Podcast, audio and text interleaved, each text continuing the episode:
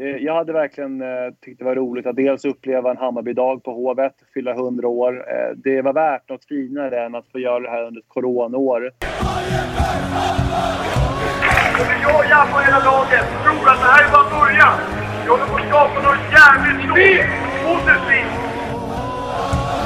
Bayern fans ringde och det gjorde de och då får man inte säga något. Så det man inte sagt spelat i Hammarby när man var ung och sådär så finns det egentligen bara ett lag som går tillbaka till. Jag har inga privata ambitioner. Min karriär är över så att säga. Så att jag, jag eh, har bara en ambition med det här. Det är att vi ska vinna varje division vi ställer upp i. Hej och välkomna till Inko på isen. Eh, Det här avsnittet har ju, säger jag inget nummer på eftersom jag inte riktigt vet när jag kommer att släppa det. Utan det är ju så här att jag eh, har eh, gjort några avslutande intervjuer efter den här säsongen. Och eh, i just det här avsnittet så har jag tagit kontakt med den avgående tränaren Filip Algeman. Filip han gick ju efter eget val efter en viss diskussion med Robert Gräs. Och Eh, så vi talar lite grann om vad det var som hände och lite sådär runt omkring. Vi pratar om laget och eh, hur det egentligen såg ut. Och jag eh, ska inte bli så här väldigt eh, långrandig just nu utan eh, ni vet var ni kan nå mig. Och det är ju stefan at inkopoisen.se stefan at inkopoisen.se Vill ni swisha så får ni gärna göra det på 070 3577 388 070 3577 388 och så önskar jag att ni får en eh, informativ och trevlig lyssning i det här avsnittet med Filip Algeman.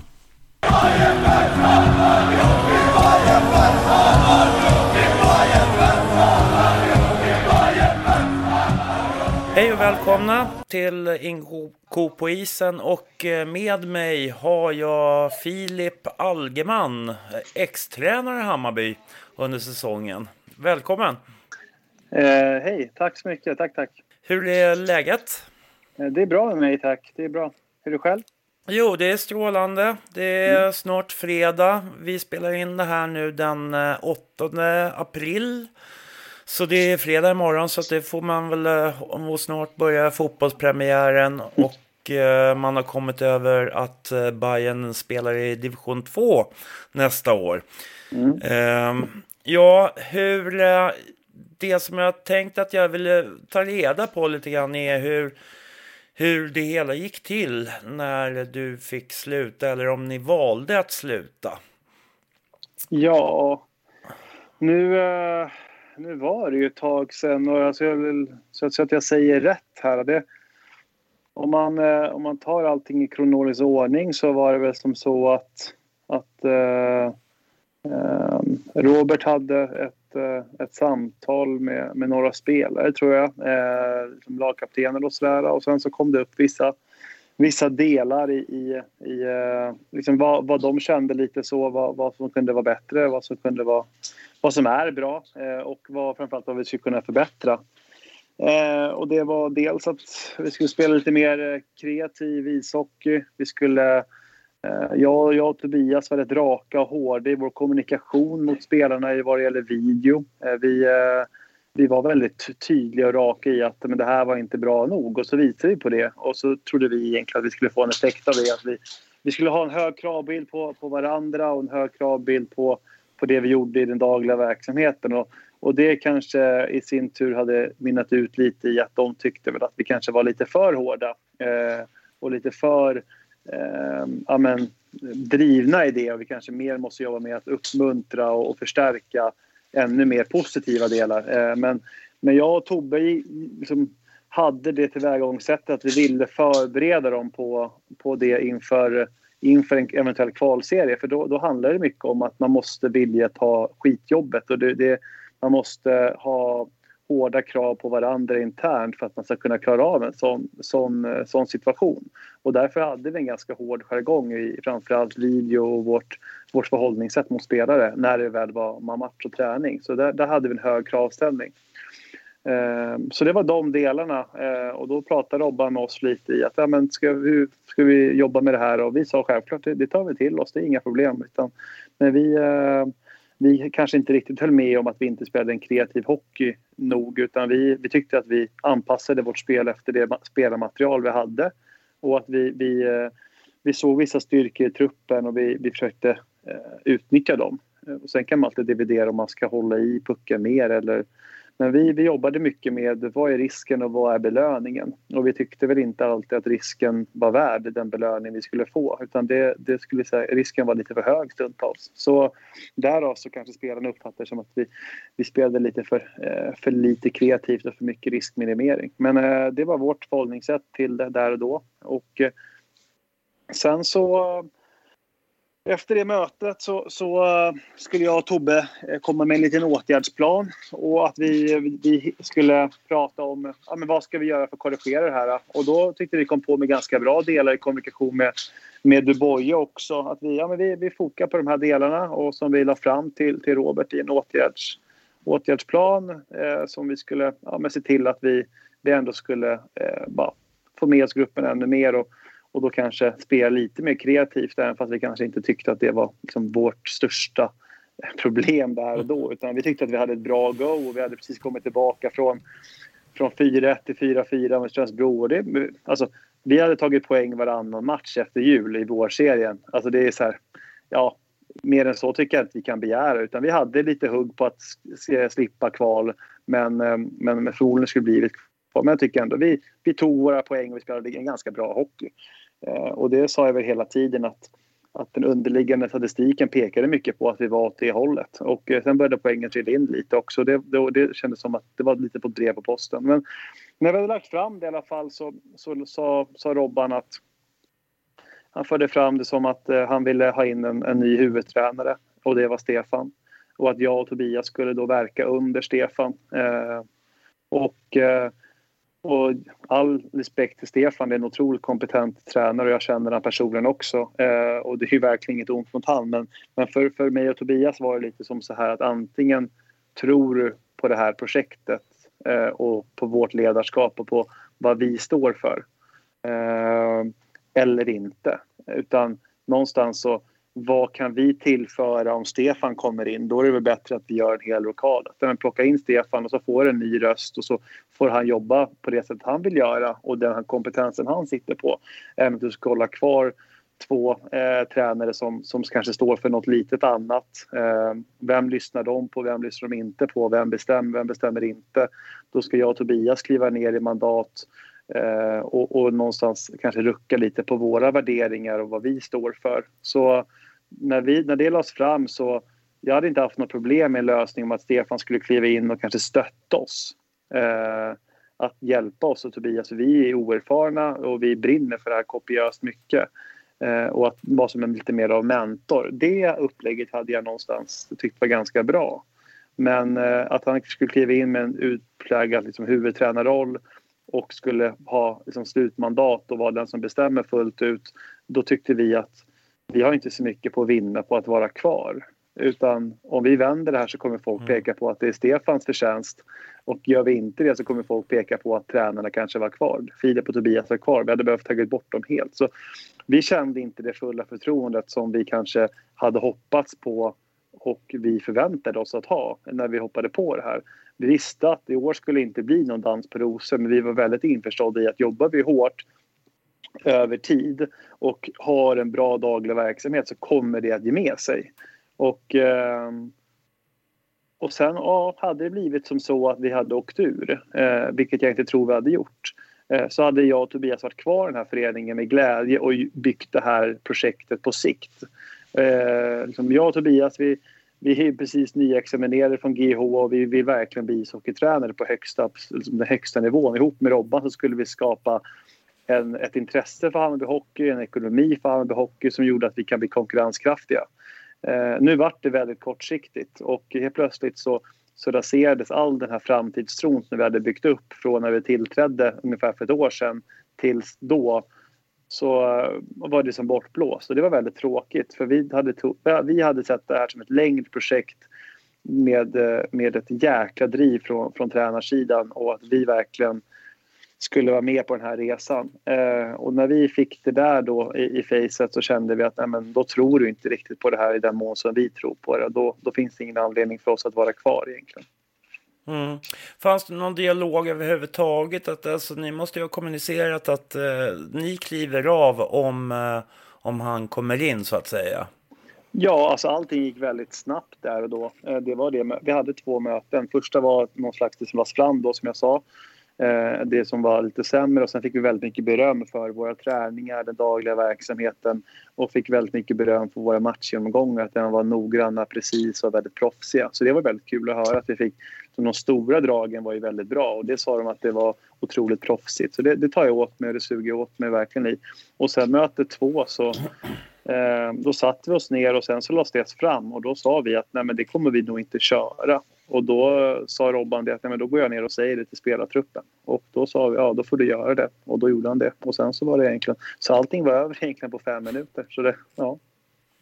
Mm, ja. Det fanns egentligen en större dialog så. Nej, för att, för att det som jag tycker är att eh, tidpunkten för det hela vart väldigt märklig eftersom nej men, jag pratade lite grann med Benny, Benny Rönnelöv då och vi har ju pratat lite grann att, alltså han menar ju på att hade man gjort det här vid nyår så hade det kanske varit en annan grej. Och mm. nu vart det liksom, nu vart det lite panik och så är det tre, fyra matcher som, som uh, Stefan Gustafsson ska kliva in och uh, försöka styra upp det här. Mm. Och då blir ja. det väldigt svårt. Ja, alltså det är hypotetiskt. Alltså jag vet inte. Jag tycker väl att med tanke på den spelaromsättning som var så, så fick vi kanske inte en ärlig chans i att, att ens få ihop gruppen. Vi hade väl precis nu på slutet börjat sätta den samman med tanke på att vi hade fått in några spelare som, som nu var, var kvar hos oss vilket gav oss en, en trygghet i det. Eh, vi hade liksom sista dagen på fönstret så hade vi en, ett sista avbräck i att Gabriel Olsson lämnade till Kalmar. Och efter det, den dagen, då vet vi att nu kommer det i alla fall inte vara in och ut i alla fall om vi då bortsett från skador. Mm. Så äh, jag, jag tycker väl också att här, jag, jag förstår inte egentligen varför det kom överhuvudtaget egentligen utan det... Alltså tittar man på vår vårserie så, så tror jag att vi har tagit, tog mer poäng i det läget. Tog, hade vi mer poäng än både Segeltorp eh, ja, Arlanda och eh, Sollentuna. Jag tror vi ligger exakt mer än Sollentuna i alla fall och, och kanske likvärdigt med de andra två med tanke på att vi gick in med noll poäng. Så eh, vårserien så var vi ganska starka och vi tog ju rätt mycket poäng. Så, och hade man velat göra en tränarkorrigering så kan jag väl tycka att det kanske man skulle gjort veckan innan då med tanke på att då hade vi ett litet längre uppehåll på en och en halv vecka. Inte eh, efter matchen mot Strömsbro där vi faktiskt gör en ganska bra insats dessutom. Mm. Uh, vi pratar om uh, spelaromsättningar som sagt. Alltså, hur, har det var, hur, hur har ni känt liksom, hur det har varit i uh, omklädningsrummet med just den här stora spelaromsättningen? Ja, nej, men det har ju varit väldigt svårt. Det har ju varit jättejobbigt och det, det har ju blivit så av olika faktorer. Dels så, så hade vi vissa spelare som vi kanske inte tyckte Eh, uppfyllde de den nivån som vi hoppades på inför säsongen. Att vi, vi var då tvungna att, att liksom, du får leta efter en ny förening. Men sen så var, hade vi väldigt otur med, med olika skador. Eh, samt att, eh, ja, men, ta Grönhagen som ett exempel så, så lämnade han tillbaka till HV. Och, eh, Ja, det är ett problem. Alltså är det någonting jag och Tobias står för i vårt ledarskap så är det ju att få ihop en relation och, och bygga en stark grupp. Och det blir väldigt svårt att göra det om du inte ens vet vad alla heter när du kommer tillbaka till träningen om du varit sjuk en vecka.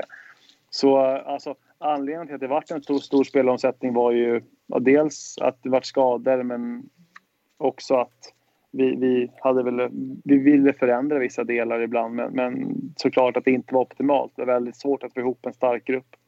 Mm. Uh, för sen så pratar vi, ni pratar kravställning och jag tycker väl att eh, den kravställningen som, som ni hade eh, som det kanske mer har kommit fram i efterhand, eh, den var nog välbehövlig på något sätt. Jag, jag hade nog, alltså jag vet inte riktigt, nu har ju inte jag pratat med Stefan efter det att vi har åkt ner, men, men jag kan ju tycka liksom lite grann att, eh, att man måste ju försöka få de här spelarna att, att förstå kravställningen eftersom det kommer ju inte bli lättare fram, liksom, om de tänker sig att de ska avancera i ligorna på något sätt. Nej, så, så är det ju. Eh, alltså jag... Ja, vi valde den linjen, jag och Tobbe, var väldigt raka i vår kommunikation mot spelarna och då, då, då fick det bli så. Eh, sen så självklart kan det, kan det göras på olika sätt men men vi var ganska medvetna om att det kommer bli en ganska tuff säsong. Och vi, vi stod bakom spelarna till 110 procent eh, varje byte, varje match, varje dag. Men vi ville ju verkligen belysa när, när det var någonting i beteendet som vi inte uppskattade. Och då, då är video ett väldigt bra alternativ. Sen kan man alltid välja hur man ska gå tillväga om man ska ta det internt, spelare, tränare eller inför hela laget. Nu valde vi att ha det i större lagsamlingar för att det, det är mer tidseffektivt samt att man får se eh, övriga spelare får också se på vilka beteenden vi uppskattar att se och vilka beteenden vi inte uppskattar att se. Så eh, vi kunde ju säkert bli, blivit lite mildare där eh, och jobbat lite mer internt spelare mot tränare i, i liksom video och så. Men eh, vi, vi hade den kravställningen och det var för att vi hade en hög kravställning på oss själva också i, i träningsupplägg och vår seriositet. Mm. Eh, och nu så, och där tänker jag också lite grann att om det nu hade varit så att eh, Hammarby hade hamnat ett kval och eh, det blir ju väldigt hypotetiskt det här men, men jag tänker liksom lite grann att hade ni tänkt liksom, jag vet inte hur långt ni hade tänkt sådär framåt att om Bayern åker ner i tvåan skulle ni, hade ni liksom tänkt så här, men vi, vi, vi kommer att köra på ändå? Eh, ja, det, det var min och Tobias fasta övertygelse att vi skulle göra. Vi visste om att det skulle bli ett tufft år med tanke på alla nya, eh, många förstaårsseniorer och sen i slutändan vart det många juniorer dessutom. Eh, och jag kände ju Robert sen innan och, och det Robert gör i Hammarby tror jag kommer bli väldigt, väldigt bra. Det är en jätteduktig liksom, vad ska man säga, affärsman i att driva en förening tror jag. Så jag tror att han kommer få Hammarby på rätt köl i slutändan och det var ju det vi ville se. Det var ju det tåget vi ville hoppa på. Samt alltså, framförallt att få det ekonomiska, att, att få det att konkurrera med övriga klubbar. Det är väldigt svårt att göra det när vissa föreningar i, i, i division 1 kan ge nästan heltidslöner och, och vi ger en matlåda eh, per, per dag. Det är väldigt svårt. Eh, men men vi, vi, eh, när vi hoppade på det här ihop med Robban så var det att vi skulle se det som ett längre projekt. Och, och då var det som så, vi kanske, om vi skulle mot förmodan åka ur, då, då vänder vi oss ur det och vi kommer kunna locka till oss spelare på grund av att Eh, folk pratar bra om vår dagliga verksamhet och hur hög seriositet vi har. Alltså det, det tror jag hade lockat till sig spelare även där. Och sen fick liksom Robban över tid, bakgrunden, jobba med, med liksom organisationen i stort. Så eh, det, det hade vi gjort och då, då hade vi jobbat om vi då hade fått vara kvar. Men äh, det, vi, vi hade inte haft några problem med att vara kvar och göra den resan underifrån. Mm. Eh, jag har, vi har, har också eh, diskuterat med Benny sådär lite grann spelmässigt. Eh, försvarsspelet är någonting som vi har diskuterat i, i några poddar. Och, eh, är det någonting där som du känner liksom att, att spelarna i sig har varit för dåligt utbildade från början?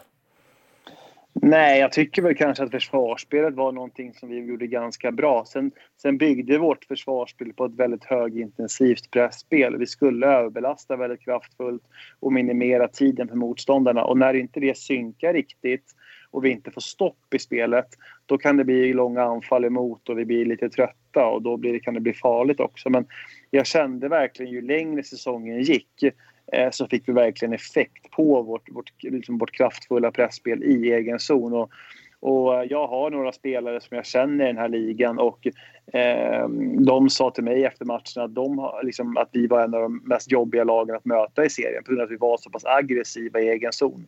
De fick väldigt lite tid med pucken. Eh, och det är kul att höra. Så försvarsspelet tycker jag satt ganska bra. Sen så kan det se lite virrigt ut ibland om man då inte får stopp i ett första, andra läge.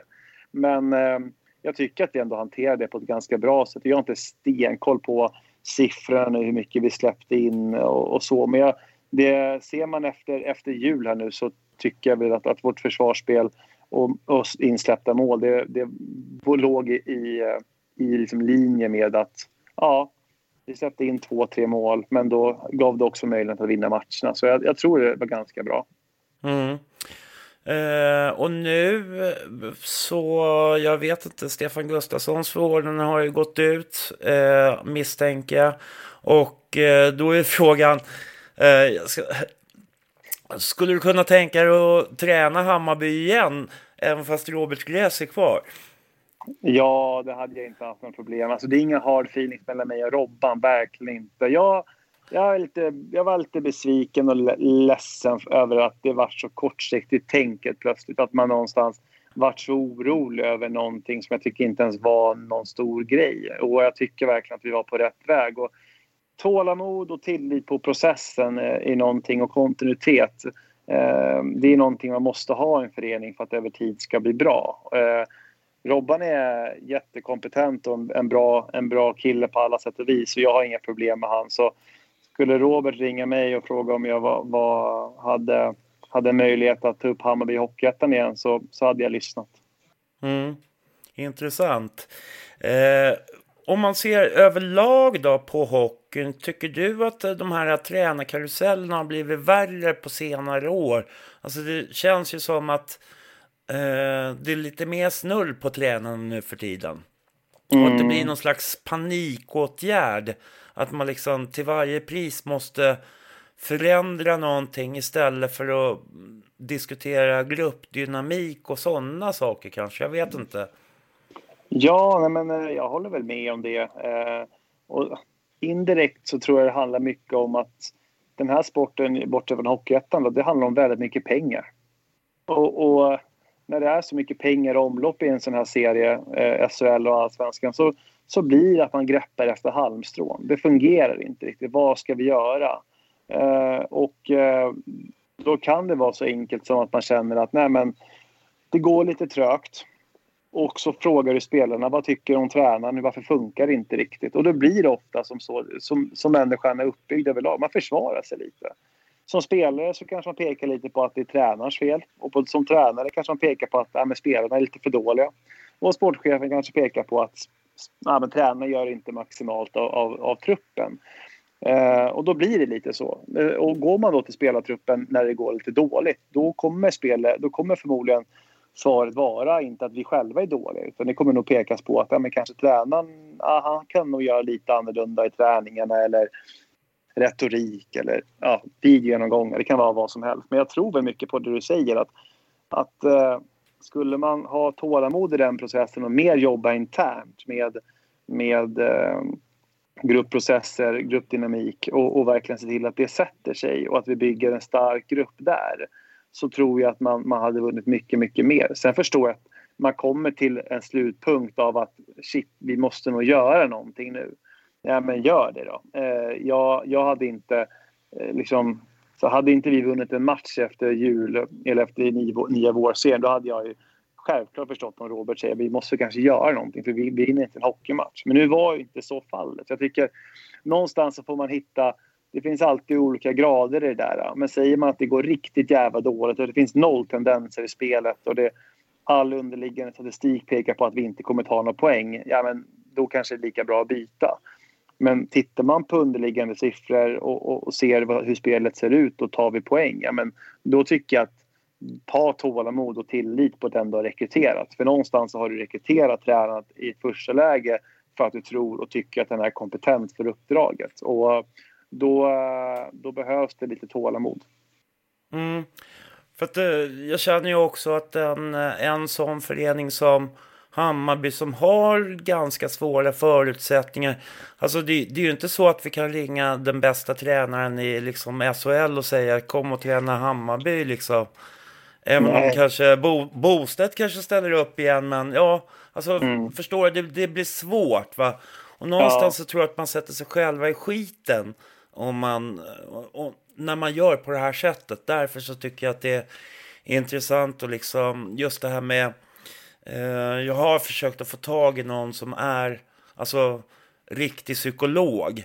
Mm. För att liksom under, jag skulle vilja undersöka det här med gruppdynamik, eh, psykologi på olika sätt. Liksom. För det, mm. det är ett ganska intressant ämne just när det hamnar till eh, idrott och lag. Mm. Verkligen. Det, och det rent psykologiskt vad, vad vetenskapen säger så ingår ju grupp går igenom fyra olika stadier eh, varenda gång egentligen det kommer in en ny person. Så måste, det, då måste gruppprocessen börja om på steg ett på den där trappan.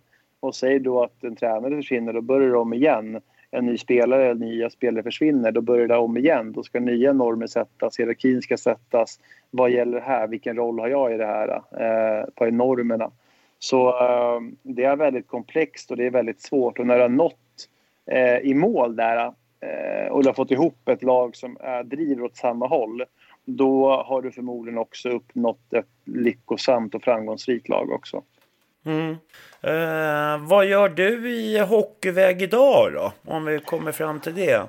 Uh, idag gör jag ingenting i, i, i hockeyväg. Idag jobbar jag bara. Uh, jag jobbar ju som idrottslärare till vardags. Så uh, det är det jag gör. Just nu har jag påsklov så det är ju tycker jag är trevligt. Men eh, utöver det så har jag, ingen, eh, jag har inget hockeyuppdrag just nu utan jag håller, håller kontakt med eh, lite olika föreningar och har väl fått ja, men, tycker jag intressanta förslag som jag tycker ja, men som som låter väldigt intressanta och ambitiösa för att liksom haka på. Sen får vi se om det blir någonting men det låter och känns väldigt intressant i alla fall. Mm. Eh, hur, var, hur känner du? Fick du någon respons efter det att eh, ni gick ifrån Hammarby där? Ja, jag har fått eh, jättemycket fina sms från flera spelare i, i laget och det gläder mig enormt. Mm. Det, det, var samma dag som, som vi fick foten, då, eller man ska säga, så, så damp det in från flera spelare i laget som kanske inte tyckte att det var helt rätt. Och, eh, och uh, var uh, väldigt fina ord från vissa spelare, vilket är, uh, det blir man lite rörd av att läsa. Och det, det är jag väldigt glad för. Härligt. Men eh, då vet man aldrig. Du, du kanske då dyker upp så småningom i, i Hammarby igen. Eh, jag, tycker, nej men jag tycker faktiskt att det, det, var ju ett intressant upplägg och jag tyckte just att långsiktigheten var det som var intressant.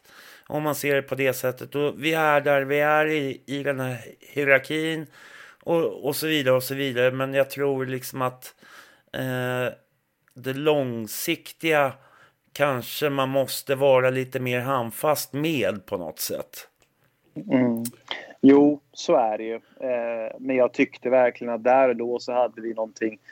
Vi hade någonting väldigt bra på gång eh, i laget också. Och jag och Tobias var ju helt, helt, helt övertygade, ja, ihop med De Boye då, som också ingick i ledarstaben där och då, att vi var helt övertygade om att det här kommer vi lösa. Och det, vi tittade lite på så här, men vi hade plusstatistik mot Sollentuna. Vi hade väl plusstatistik mot, Sol, eh, eller mot Segeltorp också. De, de vi hade minus mot var ju, var ju Arlanda eh, och de är ju bra. Men det, det är så här, vi kände att det kan vi också vinna. Men två lag bakom oss kände vi att det kommer vi ha. Eh, för det, vi tyckte att vi spelade ett bättre spel än både Segeltorp och Sollentuna. Men det är ju hypotetiskt. Men eh, vi, vi vann de matcherna i alla fall när vi, när vi mötte dem, vilket var vilket var roligt. Eh, och det, och det, ger också, det, det gav ju där och då någon slags framtidstro att vi kommer fixa det också.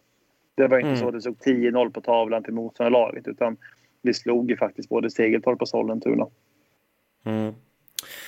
Ja, nej men eh, jag får tacka för idag då. då. Eh, lite sådär så kanske vi hörs av i, eh, framåt hösten och se vad, vad du har tagit vägen kanske eller någonting sånt. Eh, är det någonting som du vill säga till sist till våra lyssnare? Ja, det finns väl ingenting direkt så, mer än att jag eh, har... Eller det var med en sport, liksom stor portion stolthet och glädje jag eh, coachade Hammarby. Och jag, jag, eh, jag är väldigt ledsen över att det slutade som det gjorde. Och då menar jag inte att, att det var jag som slutade utan att Hammarby befinner sig i Hockeytvåan framöver. Utan eh, jag hade verkligen eh, tyckt det var roligt att dels uppleva en Hammarby-dag på Hovet, fylla 100 år. Eh, det var värt något finare än att få göra det här under ett coronaår. Eh, och, men men eh, den som väntar på något gott, brukar man säga. Eh, och, och fortsätt tro och fortsätt driv med det här laget och den här föreningen så kommer det att bli bra i slutändan. Och, Eh, Robban är, är, helt rätt man för uppdraget. Han kommer att få den här föreningen på, på rätt köl i slutändan. Så tillit och tålamod även där så kommer det att bli bra. Okej, men då tackar jag för det och tar med mig det till nästa säsong helt enkelt. Ja, jag får göra det. Så får men, du ha det så bra så länge. Ja, detsamma Stefan. Ta hand om dig. Jättefint. Tack. Bra. Hej. Hej.